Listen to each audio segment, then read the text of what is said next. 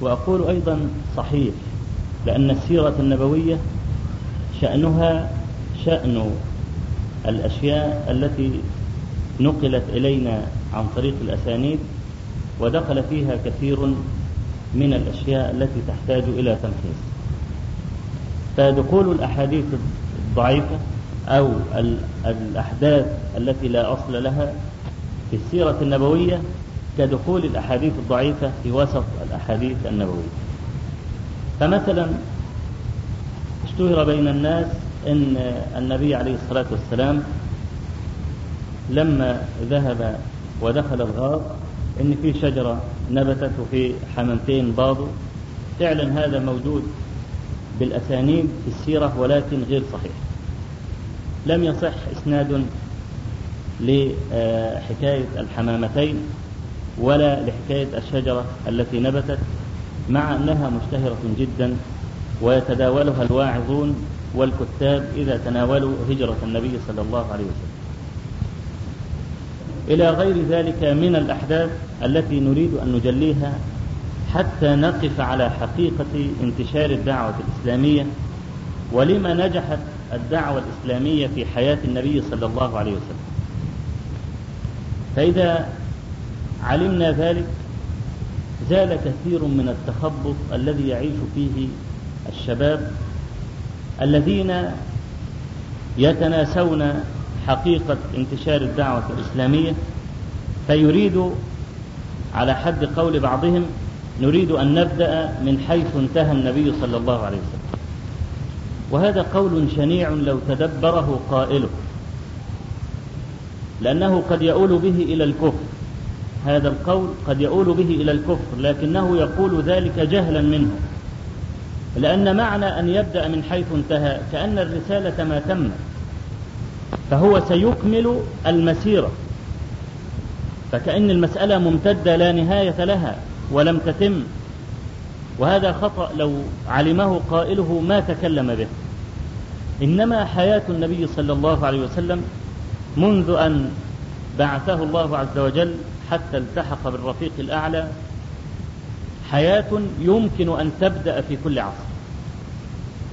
يعني لو عاش الإنسان في بيئة جاهلة أو لو عاش في بيئة كافرة كأن يعيش مثلا في دولة من دول الكفر التي تمارس أشياء أفظع مما كان يمارسه أهل الجاهلية.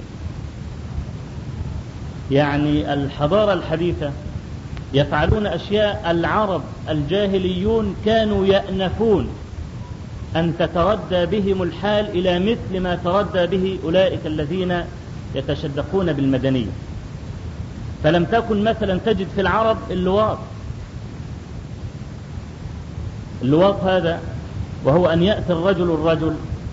هذا ما كنت تراه في العرب لما جبلوا عليه من الأنفة والعز.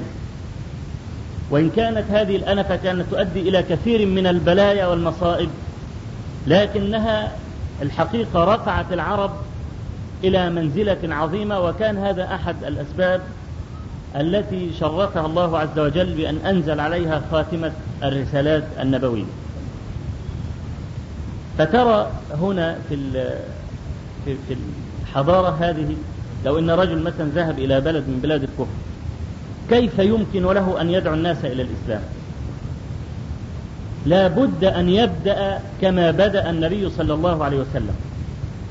أن يبدأ بتعليمهم التوحيد وهذا هو أس الأمر. ثم بعد أن يجد منهم جلدا وبدأوا يتجاوبون معه يمكن أن يفرض عليهم شيئا. وهذا صريح جلي في حديث معاذ في حديث إرسال معاذ اللي هو موجود في الصحيحين.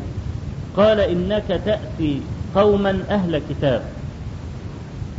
فليكن أول ما تدعوهم إليه أن يعبدوا الله ولا يشركوا به شيئا. فإنهم أطاعوك لذلك فأخبرهم أن الله افترض عليهم خمس صلوات في اليوم والليل.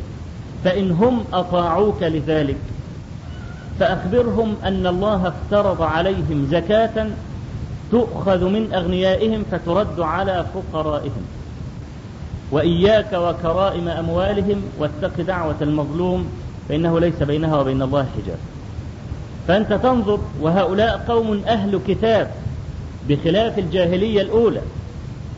الجاهلية الأولى كانوا على دين إبراهيم عليه السلام العرب القدامى. كانوا على دين إبراهيم عليه السلام. ولم يكن يعرف في جزيرة العرب آنذاك لا اليهودية ولا النصرانية. لم تكن تعرف في جزيرة العرب. إنما كانت موجودة في أطراف اليمن آنذاك. وبدأوا دخول الجزيرة العربية بعد ذلك. فكان العرب على دين إبراهيم عليه السلام. حتى جاء عمرو بن لحي لعنه الله وهذا أول من بحر البحيرة وسيب السوائب ووضع الأصنام في مكة.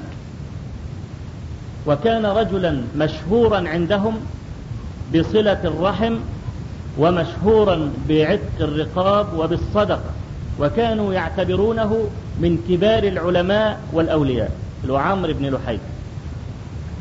حتى رحل عمرو بن لحي هذا إلى الشام.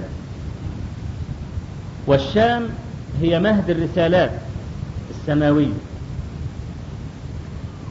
فلما ذهب إلى الشام وجدهم يعبدون الأصنام فاستحسن ذلك جدا. ولأن دي مهد الرسالات فتصور أن هذا من القربات التي يمكن أن ينقلها إلى جزيرة العرب. فهو أول من غير دين إبراهيم عليه السلام في جزيرة العرب فاصطحب معه من الشام هبل الصنم اللي هو هبل اصطحبه معه من الشام ووضعه في جوف الكعب. وصار بعد ذلك مناه ثم جاءوا بعد ذلك باللات ثم جاءوا بعد ذلك بالعزة وصارت هذه الأصنام الرئيسية بالنسبة لأهل مكة. فأول إذا من غير دين إبراهيم وغير جزيرة العرب وأدخل الأصنام فيها هو عمرو بن لحي. فما كان جزاؤه وعاقبته. قال النبي صلى الله عليه وسلم كما في صحيح البخاري لقد رأيت عمرو بن لحي يجر قصبه في النار. القصب اللي هي الأمعاء. يجر قصبه في النار فهو أول من بدل دين إبراهيم وبحر البحيرة وسيب السوائب البحيرة هذه كانت ذبيحة يذبحونها لطواغيتهم. وكذلك بالنسبة للسوائب إذا ولدت الناقة عشرة بطون إناث فإنهم يسيبونها لآلهتهم فلا يركبونها ولا يستخدمونها ولا ترد من حمى. وكذلك الوصيلة والحام. الوصيلة إذا ولدت الناقة أنثيين وراء بعضهم. تواصلت أنثى بأنثى فهذه لا يركبونها وينذرونها لآلهتهم. وكذلك الحام اللي هو الفحل من البقر أو من الجاموس. إذا آه، ولدت فحلا فينذرونه لآلهتهم فلا يركب ولا يرد من مرعى ولا يستطيع أحد أن يناله بهذا. لذلك قال الله عز وجل ما جعل الله من بحيرة ولا سائبة ولا وصيلة ولا حام ولكن الذين كفروا يفترون على الله الكذب ويقولون أن هذا مما أمرهم الله عز وجل به لآلهتهم. لم يقتصر الأمر على ذلك بل بنوا بيوتا تشبه الكعبة وجعلوا لها سدما. وكانوا يطوفون بها يقولون لبيك اللهم لبيك لبيك لا شريك لك لبيك كل شيء آه، لبيك لا شريك لك لبيك إلا آه، إلا شريكا تملكه ملكته يعني نحو ذلك يعني ملكته وما ملك حاجة زي كده. فهذا كان تلبية الجاهليين حول هذه الأشياء التي صنعوها تشابه الكعبة إذا لو أردنا أن نلقي ضوءا على الجزيرة العربية قبل دخول الإسلام لأن هذا مهم جدا حتى تعرف كيف غير الإسلام هؤلاء الأجلاف الحرب بين الأوس والخزرج ظلت أربعين سنة لأجل خلاف تافه بينهما. أربعين سنة مات فيها ألوف مؤلفة. لما تنظر إلى الأوس والخزرج بعد أن دخل في الإسلام لا تتصور أن هؤلاء هم الذين تقاتلوا قبل ذلك. كيف تحول هذا العربي الجاهلي بالإسلام وصار إنسانا يقود الناس ولا يقاد بعد أن كان جلفا غبيا لا يعرف شيئا ولا يهتدي إلى شيء؟ فالحاصل بالنسبة للديانات الموجودة كان عبادة الأصنام وقلنا إن عمرو بن لحي هو الذي بدل دين إبراهيم. وإن اليهودية والنصرانية لم يكن لها وجود يؤثر في جزيرة العرب آنذاك. فإذا ألقينا الضوء على العلاقات الاجتماعية في جزيرة العرب وجدنا أن هناك طبقة الأشراف وأولئك كانوا السادة وكانوا كثيرا ما يترفعون عن الدنايا. وكان السواد الأعظم من عامة الناس. كانوا يمارسون أشياء لا يمكن أن نسميها إلا دعارة وضرب من المجون والخلاعة والفاحشة. تصور السيدة عائشة رضي الله عنها كما رواه أبو داود في سننه وهو حديث صحيح. قال قالت كان النكاح في جزيرة العرب على أربعة أنحاء يعني على أربعة أنواع.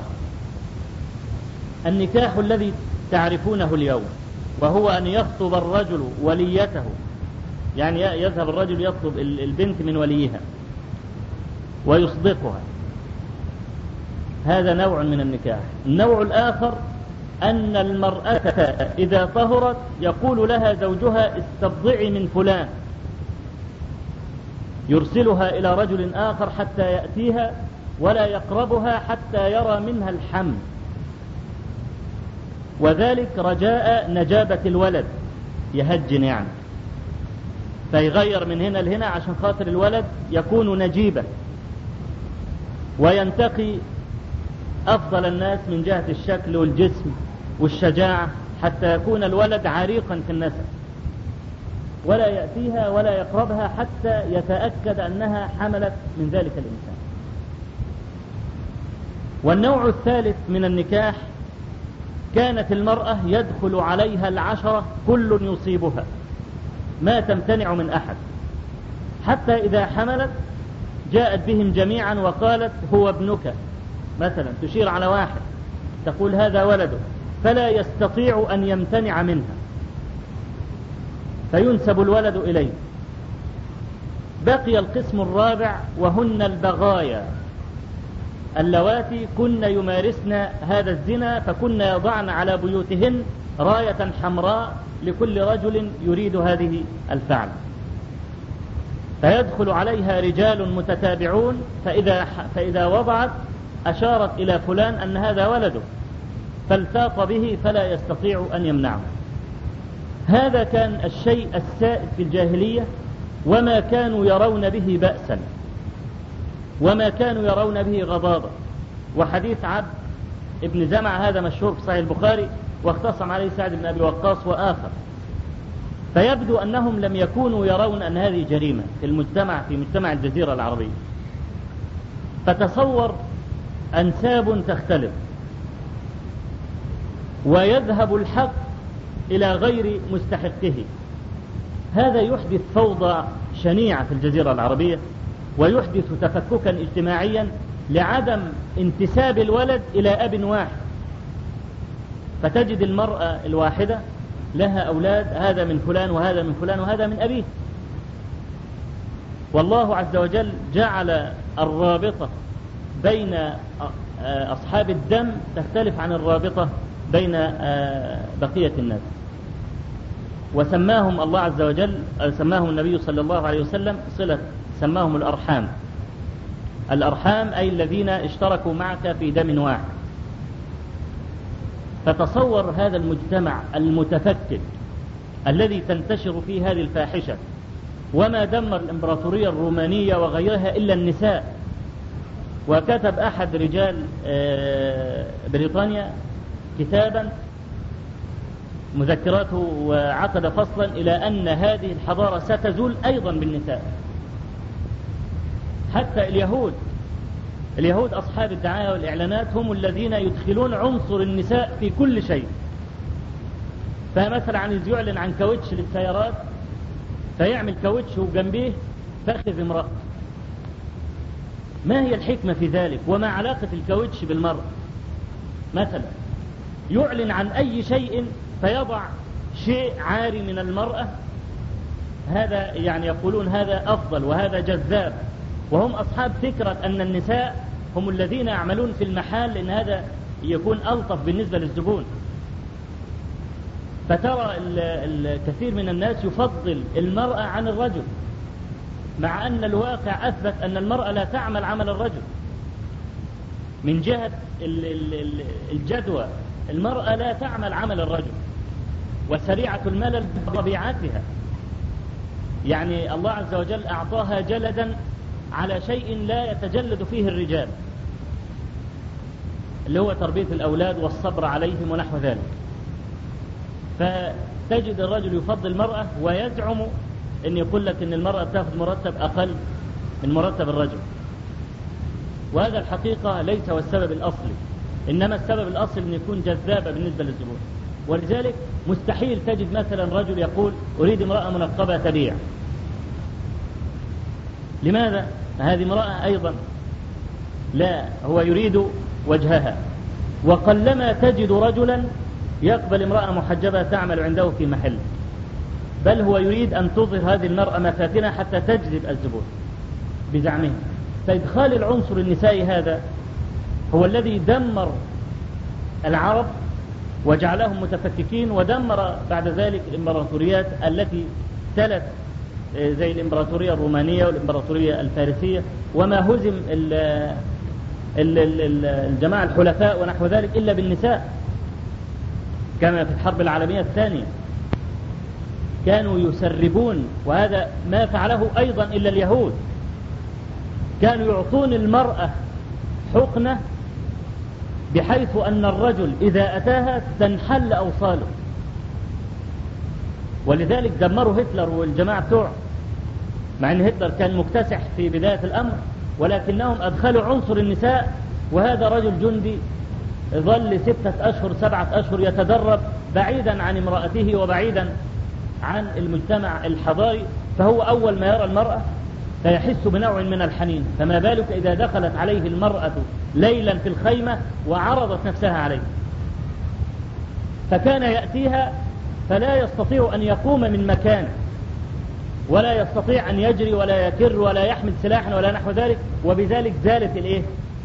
زال الجماعة الحلفاء اسمها ألمانيا وغيرها فالذي فعل هذه الفعلة أيضا هم اليهود. فيقول هذا الكاتب الإنجليزي إن هذه الحضارة لا بد أن تزول لدخول عنصر النساء فيها. وأيضا رجل نمساوي قرأت له مقالا وهو الذي فعل المستحيل لإباحة الحرية الجنسية في النمسا. حتى إذا صارت النمسا من من بلاد الإباحية الأولى في العالم ورأى هذا الدمار في النمسا كتب وأقر وندم على أنه طالب بهذه الحرية وطالب بعودة المرأة إلى البيت. وهذا شيء غريب جدا أن يصدر من هذا الإنسان. اللي هو من 30 سنة أو من 25 سنة طالب بحماس بالغ الحرية الجنسية. بل من ضمن ما طالب به أن يتزوج الرجل أخته. وقال هذا أيضا من الحرية. ولا حج إن اشتهاها أخذها. فتصور هذا المجتمع العربي إذا صار النكاح فيه على هذه الأنواع الفاحشة. رجل يرسل امرأته إلى رجل تستبضع منه أو امرأة يدخل عليها جماعة أو البغايا اللواتي ينصبن الرايات على البيوت. فكان هذا هو الحال العام في الجاهلية هذا مع السكر ومع الخمر وهذا أدعى للفاحشة. كل هذا أكيد أنه يؤثر على الحالة الاقتصادية. وكان العرب نظرا لتفككهم الذي أشرت إليه تكثر فيهم العصابات. فلا يأمن التجار على تجارتهم ولا على أموالهم إلا في أشهر الحرم. اللي هي الأشهر المعروفة كان العرب لا يأمنون على تجارتهم إلا في هذه الأشهر لأن العصابات أو هؤلاء الناس كانوا لا يقطعون الطريق ولا يؤذون أحدا في الأشهر الحرم. مع ما هم عليه من الفجور فهم في هذه الجزئية أفضل من المسلمين الذين لا يراعون لا أشهر حرم ولا غيره ويقاتلون في كل وقت ويستبيحون ما حرم الله عز وجل. فهذا يبين لك أن التجارة كانت تنشط في عدة أشهر وتركض في بقية العام. وهذا بلا شك يؤثر على معيشة الناس اليومية. فيؤدي إلى ارتفاع القوت في يوم وإلى انخفاضه في يوم آخر. أما بالنسبة للأخلاق أخلاق الجاهليين فمع ما حكيته من انحطاطهم إلا أن بعض الأخلاق وهذا من باب الإنصاف بعض الأخلاق الحميدة كانت موجودة في عرب الجاهلية. منها مثلا الشجاعة المنقطعة النظير. وكانت هذه الشجاعة وليدة العصبيات والحرب التي كانت بين القبائل. فكل إنسان كان على استعداد أن يضحي برأسه في مقابل كلمة قالها. وبعضهم قد تأخذه الشهامة وهذا أيضا مما يحمد لهم فيحمل حمالة بين أقوام مختصمين حتى يفض خصامهم. وعندنا حديث صحيح مسلم حديث قبيصة ابن مخارق الهلالي. قال تحملت حمالة في الجاهلية. الحمالة هو هي عبارة عن مال يغرمه رجل ما في سبيل أن تتوقف مثلا الحرب أو المعركة بين قبيلتين أو بين أسرتين أو نحو ذلك. كأن يقول مثلا الأسرة تقول أنا مثلا لن أكف عن القتال حتى يدفعون لي كذا. والأسرة الأخرى تمتنع فهو يقول أنا, أنا أغرمه وأنا أدفع هذا المبلغ وكف عن القتال. هذا هو معنى الحمالة. فقال قبيصة تحملت حمالة في الجاهلية. ما بين قبيلتين فتحمل هو المبلغ الباهظ حتى تنفض هذه المعركة. فلما أسلم ابتدت القبيلة الأخرى تطالبه بهذا الدين فلم يجد عنده ما يسد به. فذهب إلى النبي صلى الله عليه وسلم وقال له أريد مالا من مال الزكاة. أستعين به. فقال النبي عليه الصلاة والسلام يا قبيصة اعلم أن المسألة لا تحل إلا لثلاث. يعني لا يجوز للإنسان أن يسأل الناس من أموالهم إلا في ثلاثة أمور فقط. الأمر الأول رجل تحمل حمالة فلا يستطيع أن يؤديها من ماله فهذا يحل له أن يسأل الناس. والحمالة وضحناها. ثانيا رجل أصابته جائحة فأتت على أمواله كلها. كأن رجل مثلا شب في بيته حريق فهذا الحريق أودى بكل ماله. فهذا يجوز له أن يسأل الناس. والثالث رجل أصابته فاقة يعني أصابه فقر. فيقوم ثلاثة من ذوي الحجى من قومه ذوي الحجى يعني أصحاب العقول الراجحة. ثلاثة من ذوي الحجى من قومه فيشهدون أنه أصابته فاقة. فهذا تحل له المسألة وما دون ذلك يا قبيصة فهو سحت يأخذه صاحبه. سحت. حرام. ما دون هذه الثلاثة هذا حرام. فهذه الحمالة كانت تدفع بعض العرب أن يضحي بكل ماله في سبيل أن يفض نزاعا قائما بين قبيلتين. وهذا بلا شك من الأشياء المحمودة عند العرب. أيضا عندهم هذا الكرم المشهور.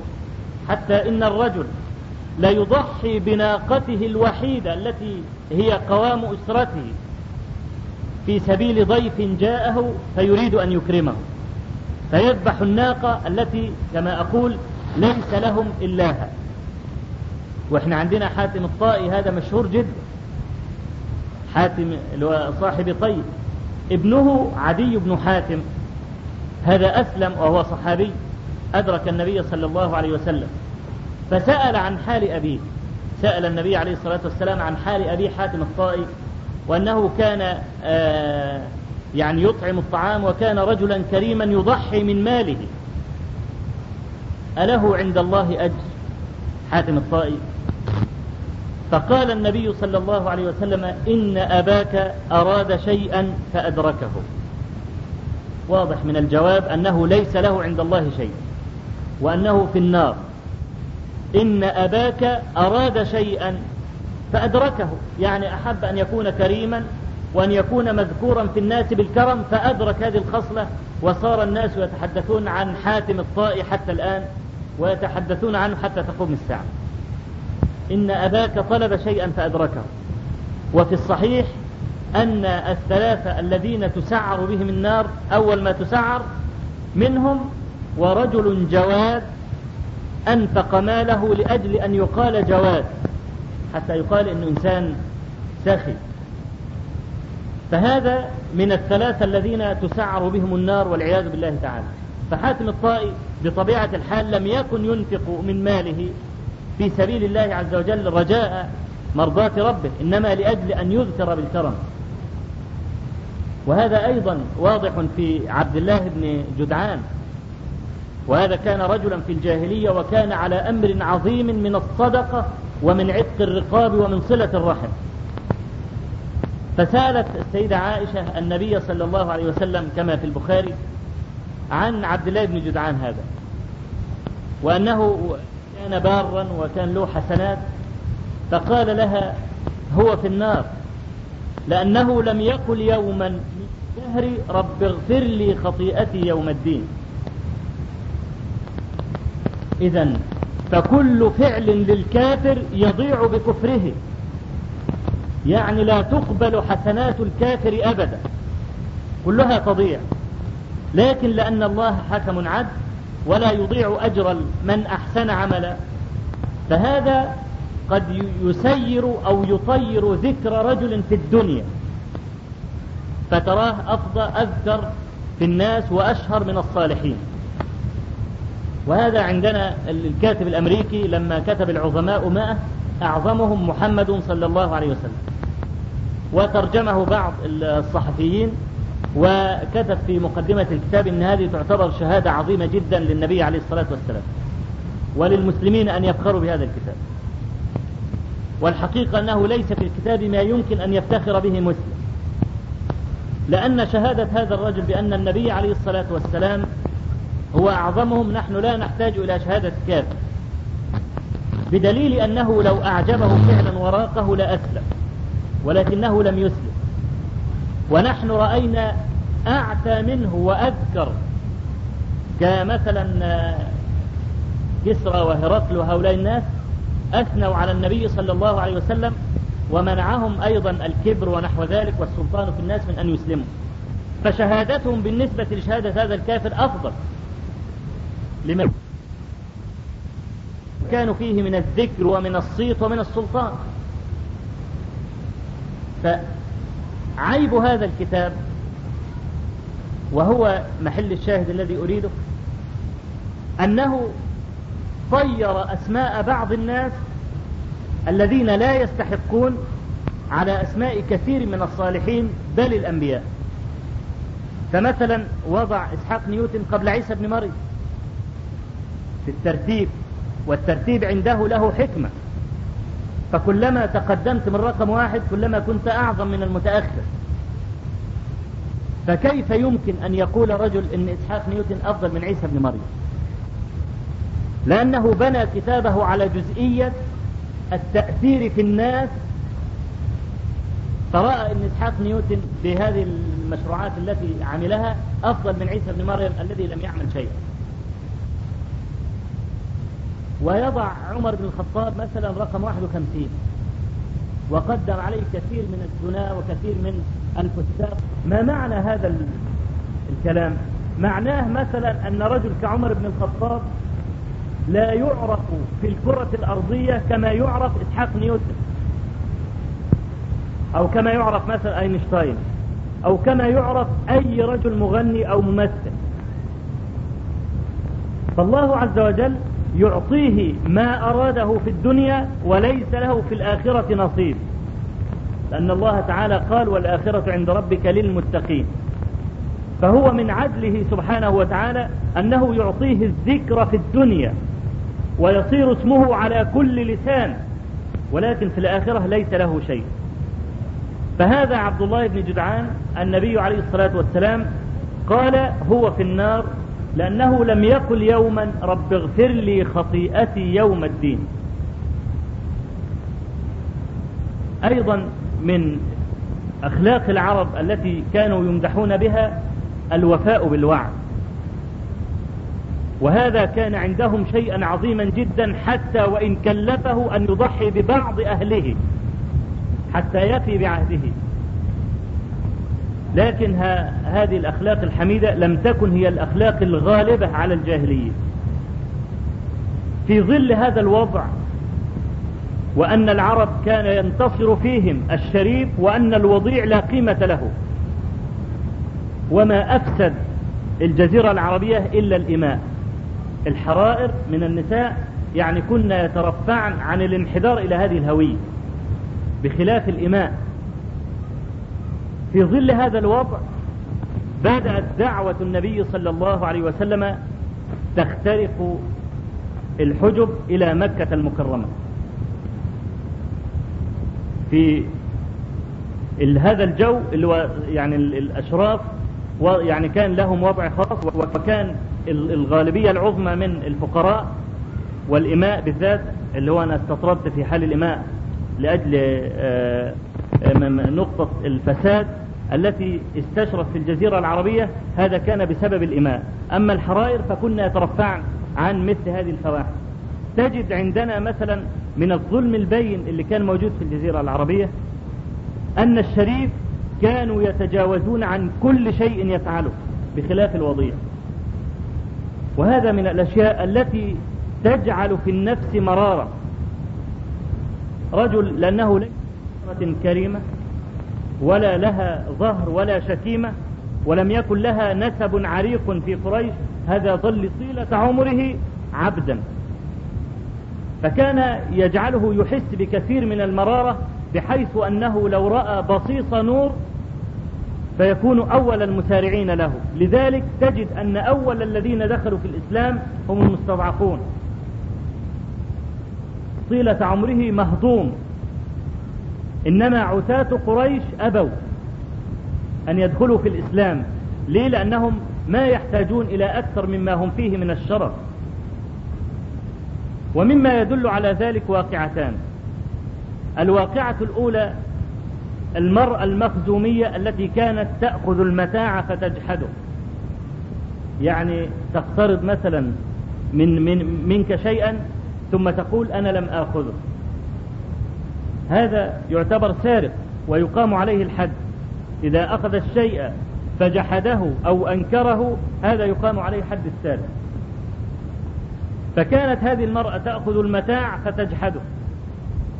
ولأنها مخزومية من أخزم وهذه قبيلة شريفة لا يستطيع أحد أن يدوس لها على طرف. لما جاء النبي صلى الله عليه وسلم بدعوته وسرقت هذه المرأة المخزومية أرادوا أن لا يقيموا عليها الحد. ليه؟ لما درجوا عليه زمانا طويلا من أن الشريف لا يهان ولا يقام عليه حد بخلاف الوضيع. فالنبي عليه الصلاة والسلام لأنه حكم عدل قال تقطع يدها حتى التمسوا لها والحديث معروف. أسامة بن زيد يذهب حتى يشفع في هذا الحد فقال له عليه الصلاة والسلام أتشفع في حد من حدود الله؟ والله لو أن فاطمة بنت محمد سرقت لقطع محمد يدها. وانظر إلى هذا التعبير في غاية الدقة والتجرد. لم يقل والله لو أن فاطمة ابنتي هو الآن يعاملها على أنها امرأة عادية ليست ابنته لأن الحدود لا محاباة فيها. ثم لا يقول لقطعت يدها لقطع محمد أي الرسول وليس الوالد. والله لو أن فاطمة بنت محمد سرقت لقطع محمد يدها بعيدا عن تأثير الأبوة. هذه الخصلة الجاهلية تجدها في هذا العصر. فترى الرجل يأخذ الملايين ويهرب. فإذا جاء يأتي معززا مكرما إذا دخل مثلا في التحقيق يشرب الحاجة الساعة ويعني يقابل بتكريم ويقوم عنه أعظم المحامين. وتجد المرأة التي تبيع السجن بزيادة تعاريفه كانوا يأخذونها ويضعونها في السجن مهانة لا يؤبه لها وتجد إنها بتدفع غرامة 100 جنيه يعني ثمن أو مكسب نص فدان في فضاع مكسب هذه المرأة المسكينة. ليه؟ لأن أشياء من الجاهلية الأولى سقطت على أمة الإسلام. فهذا هذه الواقعة بتاع المرأة المخزومية تبين لك طبقة السادة وطبقة العبيد المهضومين. الواقعة الثانية التي تبين لك أن النسب كان مهما جدا وأن هناك بعض الأسر التي لم تكن تنتمي إلى نسب عريق هذه كانت تظل مطحونة أبدا. بخلاف مثلا آه مثلا آه بني عبد المطلب. المشركون ما استطاعوا أن يؤذوا النبي صلى الله عليه وسلم لأنه من بني عبد المطلب. وهؤلاء كانوا خدام البيت وكانوا أعظم الأسر الموجودة في قريش. فما كانوا يستطيعون أن يعني يدوسوا لها على طرف. حاطب بن أبي بلسعة لما كتب إلى نفر من المشركين يخبرهم بأمر من أمر النبي صلى الله عليه وسلم. فالله عز وجل أوحى لنبيه صلى الله عليه وسلم أن حاطب يعني فعل كذا وكذا فأرسل علي بن أبي طالب والمقداد بن الأسود وآخر وقال لهم اذهب اذهبوا إلى روضة خاخ اسم روضة. تجدون ضعينة هناك الضعينة اللي هي المرأة. في عقاصها كتاب العقاص اللي هو الضفيرة. فالمرأة وضعت الكتاب جواب يعني في هذا في هذه الضفيرة حتى لا يهتدى لها. وذهبت قامت بدور إيه؟ بدور الجاسوس يعني إلى كفار قريش. يخبرهم حاطب بأمر من أمر النبي صلى الله عليه وسلم وأنه سيفتح مكة قريبا. فذهب علي بن أبي طالب وأحضر الكتاب وحاطب جالس لا يدري شيئا. ففتح النبي عليه الصلاة والسلام الكتاب وقرأه وحاطب يسمع. أما بعد فمن حاطب بن أبي بلتعة إلى نفر من المشركين يخبرهم بأمر النبي صلى الله عليه وسلم وأنه سيفتح مكة قريبا. فقال عمر يا رسول الله دعني أقطع عنق هذا المنافق فقال عليه الصلاة والسلام واتجه إلى حاطب ما ذاك يا حاطب؟ قال يا رسول الله لا تعجل علي. فوالله ما فعلت هذا كفرا ولا رضا بالكفر ولست أكفر بعد إيماني ولكني هذا هو الشاهد. ولكني كنت من قوم ضعاف أردت أن أتخذ عند قريش يدا يحمون بها قرابتي وكنت امرأ ملصقا فيهم. فتنظر حاطب بن أبي بلتعة فر وذهب مع النبي صلى الله عليه وسلم لكن له بقية إخوته له أولاد عمه له أولاد خاله مثلا. فهؤلاء لأنهم ليسوا من أسرة عريقة ملطشة للجاهليين هناك. فأراد أن يتخذ جميلا يحفظه له كفار قريش فلا يؤذون قرابته فأرسل إليهم يفشي أمر النبي صلى الله عليه وسلم. فهذا يبين لك أن النسب كان مهما جدا عند العرب.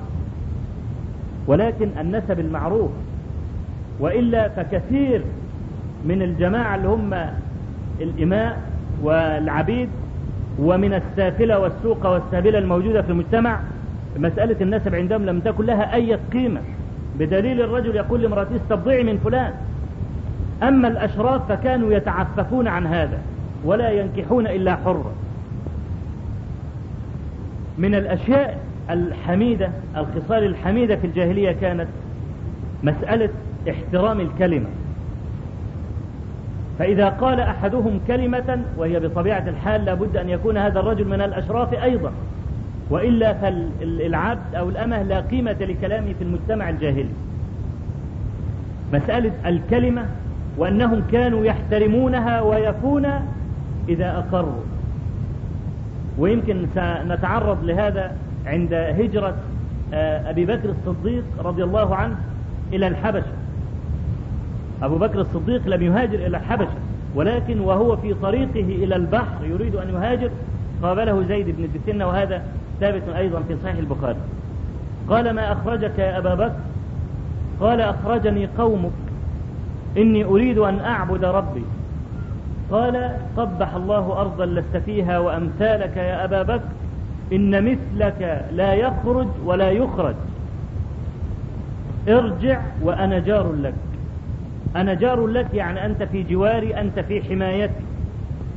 وهذا زيد بن الدسنة. وكان كافرا آنذاك. فرجع أبو بكر الصديق وذهب زيد إلى الكعبة وقال إن أبا بكر جار لي. لا لا يتصور إن أي عربي يمكن له أن يعتدي على أبي بكر مهما فعل.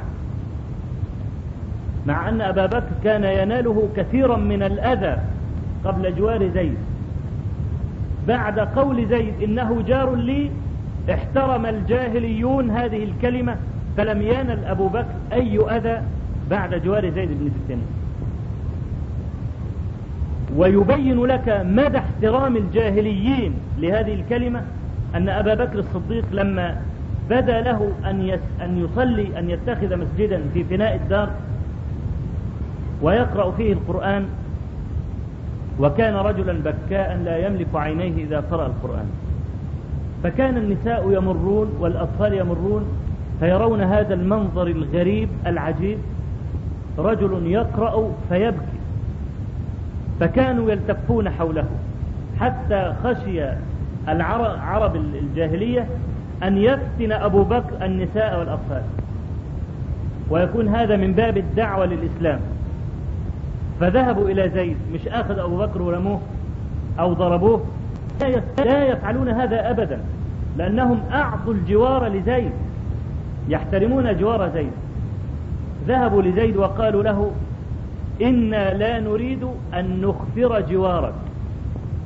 يعني لا نريد أن نخترق يعني هذا يعني نخترم هذه الكلمة التي أعطيناك إياها ولكننا لا نستطيع أن نتحمل ونسكت على ما يفعله أبو بكر. فإما أن ترد جواره وإما أن تخلي بيننا وبينه. فقال زيد يا أبا بكر ما على هذا اتفقنا. إن أردت أن تعبد ربك ففي الدار من الداخل. أما أن تخرج فإني لا أريد أن يتحدث العرب. أنني. أن جواري قد اختفر فقال أبو بكر بل أرد عليك جوارك وأرضى بجوار الله عز وجل. فهذا يدلك على أن العرب مع هذه الجاهلية الجهلاء كانوا يحترمون الكلمة. وهذا كان من مقومات أن الله عز وجل اختارهم لأن لخاتمة هذه الرسالة الرسالات لأن الإسلام كان يحتاج إلى أقوام فيهم شجاعة وفيهم بذل وفيهم تضحية. وكل مسائل الإعوجاج هذه يمكن أن تقوم. تصور رجل كان يعبد صنما الصنم الكبير اللي هو هبل أو اللات أو مناة أو العزة.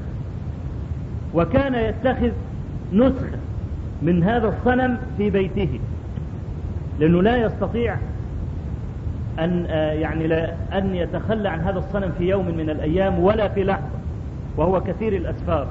فيأخذ نسخة من هوبل مثلا صغيرة ويضعه في بيته يعبده في أوقات الراحة. إذا راح استريح من الكبير وذهب إلى البيت فيجد أيضا إلها صغيرا موجودا. فإذا أراد أن يسافر تمسح به قبل أن يسافر. بل بلغ من اقتناع هؤلاء الجاهليين بالأصنام أن عمر بن الخطاب يحكون عنه أنه كان له صنما من العجوة. فبينما هو في سفر من الأسفار يعبده إذ جاع فأكله. فتصور رجل يأكل إلهه. فكانت الأصنام هذه موجودة في كل شيء حتى تغلغلت. عند هؤلاء الجاهليين. تصور معي رجل جاهلي يعكف على صنم اللي هو الكبير في الكعبة فإذا رجع إلى بيته عبد الصنم الصغير وحياته تدور ما بين هذا الشرك وما بين النساء وما بين شرب الخمر. أظن لو رجل موجود بهذه المثابة في هذا العصر لقال أي رجل لا فائدة فيه. هذا مخضرم ضليع في الشرك. لا يتصور أن مثل هذا الرجل يمكن أن يهتدي. كيف تحول هذا الرجل الذي وصفته بهذه المثابة إلى رجل موحد لله عز وجل نابذ للأصنام كاره للخمر متعفف عن النساء؟ كيف كيف تحول هذا الرجل؟ إن هذه الدروس بالذات الفترة المكية. مهمة جدا بالنسبة للذين يسلكون سبيل الدعوة. لا بد أن يعرفوا كيف عالج النبي صلى الله عليه وسلم هؤلاء المدمنين للشرك والفواحش حتى صيرهم من رعاة الغنم إلى قادة للأمم. فتنظر مثلا إلى حديث أنس في البخاري عندما حرمت الخمر. وهذا بعد نزول الإسلام. ما طلب منهم أول ما طلب إلا أن ينبذوا الأصنام. وإنه لا يستقيم إسلام مع وجود صنم. أما بقية الأشياء يمكن أن نتفاهم فيها. هكذا كانت دعوة النبي صلى الله عليه وسلم. انبذ الأصنام أولا. وكذلك بالنسبة للداعية ينظر إلى الأهم فالمهم.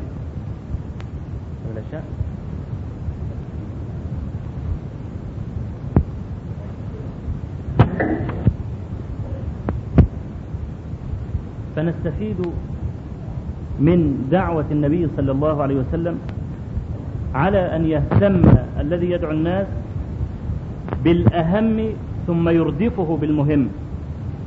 يعني مثلا لا تأتي على يأتي ألوانا من الشرك وهو مثلا بيدخن السجائر فتعمل معه معركة طاحنة على السجائر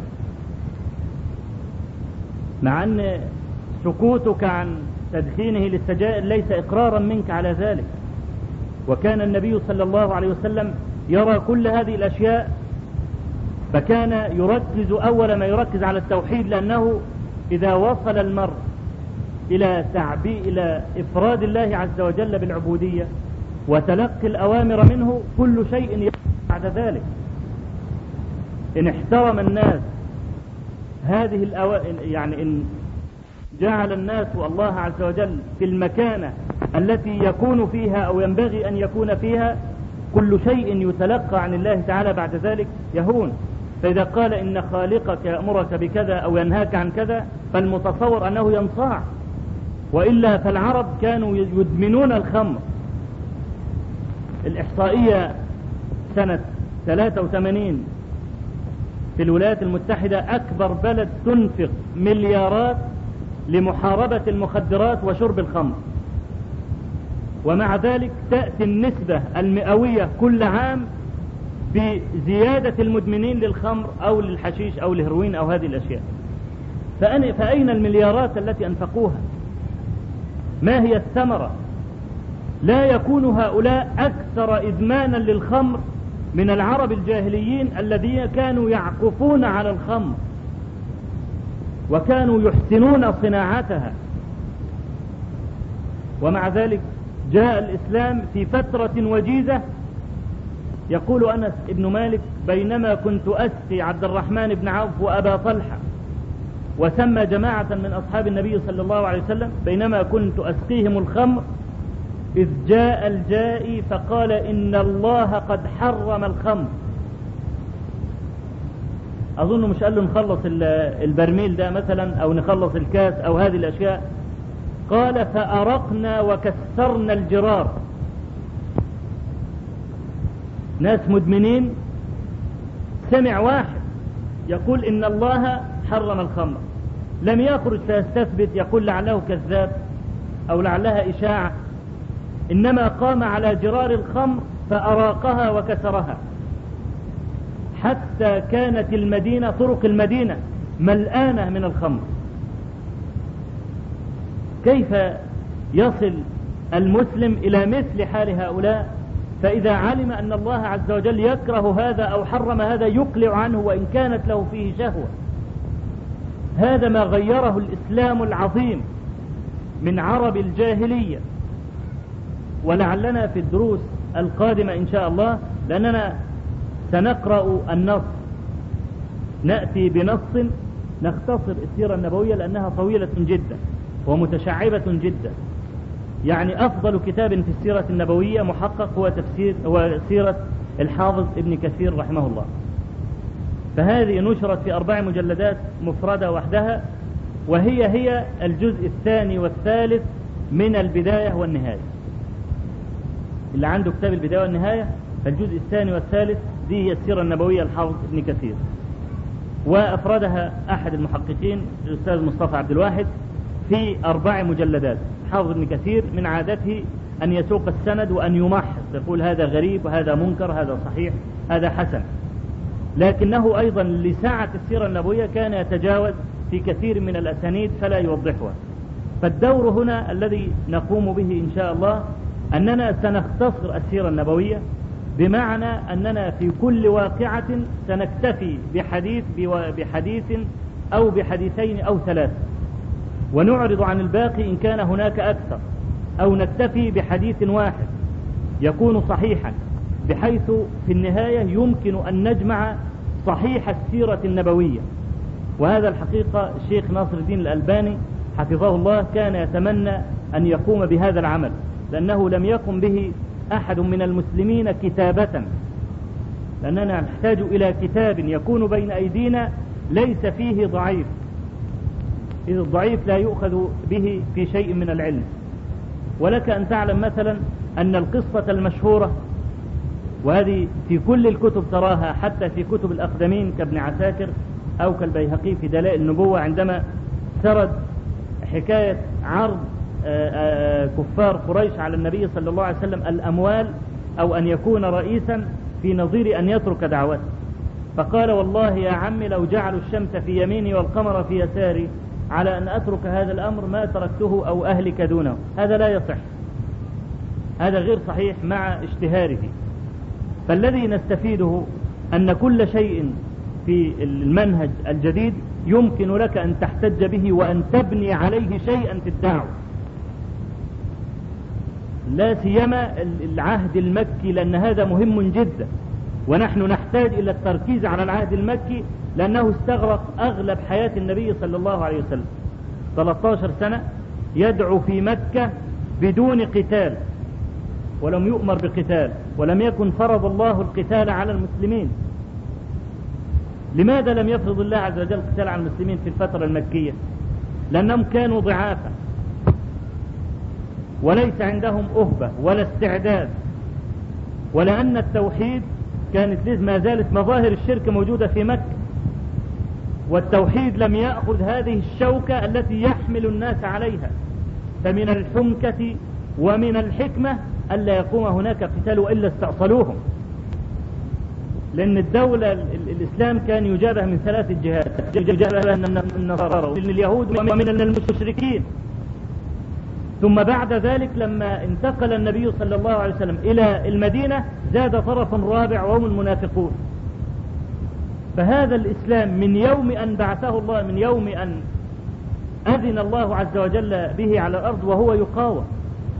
ولو كان الإسلام ممن يتأثر بالمؤامرات لما وجدت إسلاما من قديم. لكن هذا دين الله عز وجل وهو الذي يحميه. كأنما يعني يقوى إذا زادت عليه المؤامرات. كلما ازداد الناس عليه كلما ظهر الإسلام وظهر معدنه. على حد قول الشاعر يقابلني السفيه بكل حمق فأرفض أن أكون له مجيبا.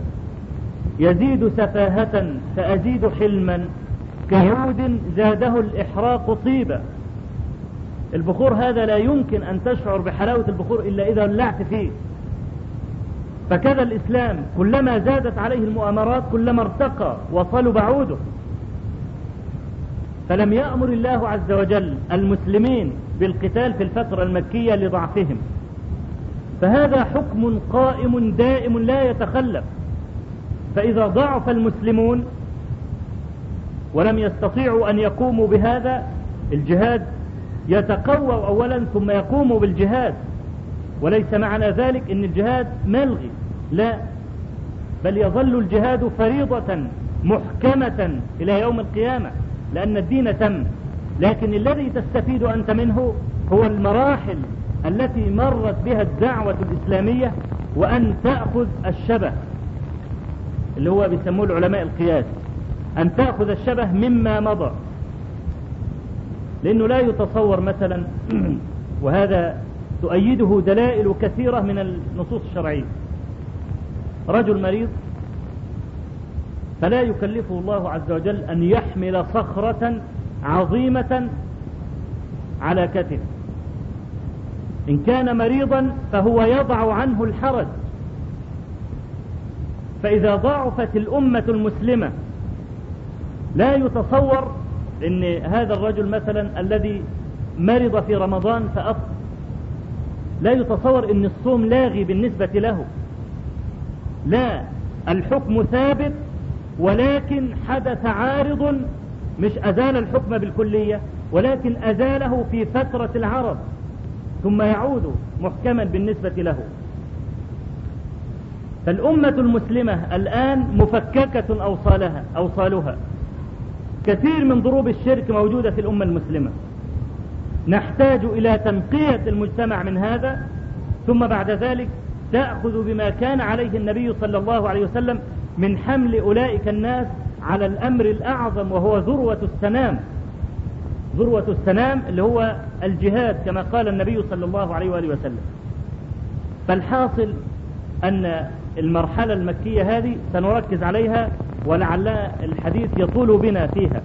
فنقرأ نختار نصا جامعا مثلا من صحيح البخاري أو من صحيح مسلم أو من أي كتاب من كتب السيرة التي تمت بالسيرة كما قلنا زي ابن عساكر في تاريخ دمشق أو البيهقي في دلائل النبوة أو غيرهم كابن قدامة وغيره الذي أفرد السيرة النبوية بكتاب كبير. نختار أجمع هذه الروايات ثم نلقي عليها الضوء بالتفصيل ونأخذ منها العبر حتى يوفقنا الله عز وجل إلى أن نخرج من هذا المأزق الذي لم تعرفه أمة الإسلام في يوم من الأيام.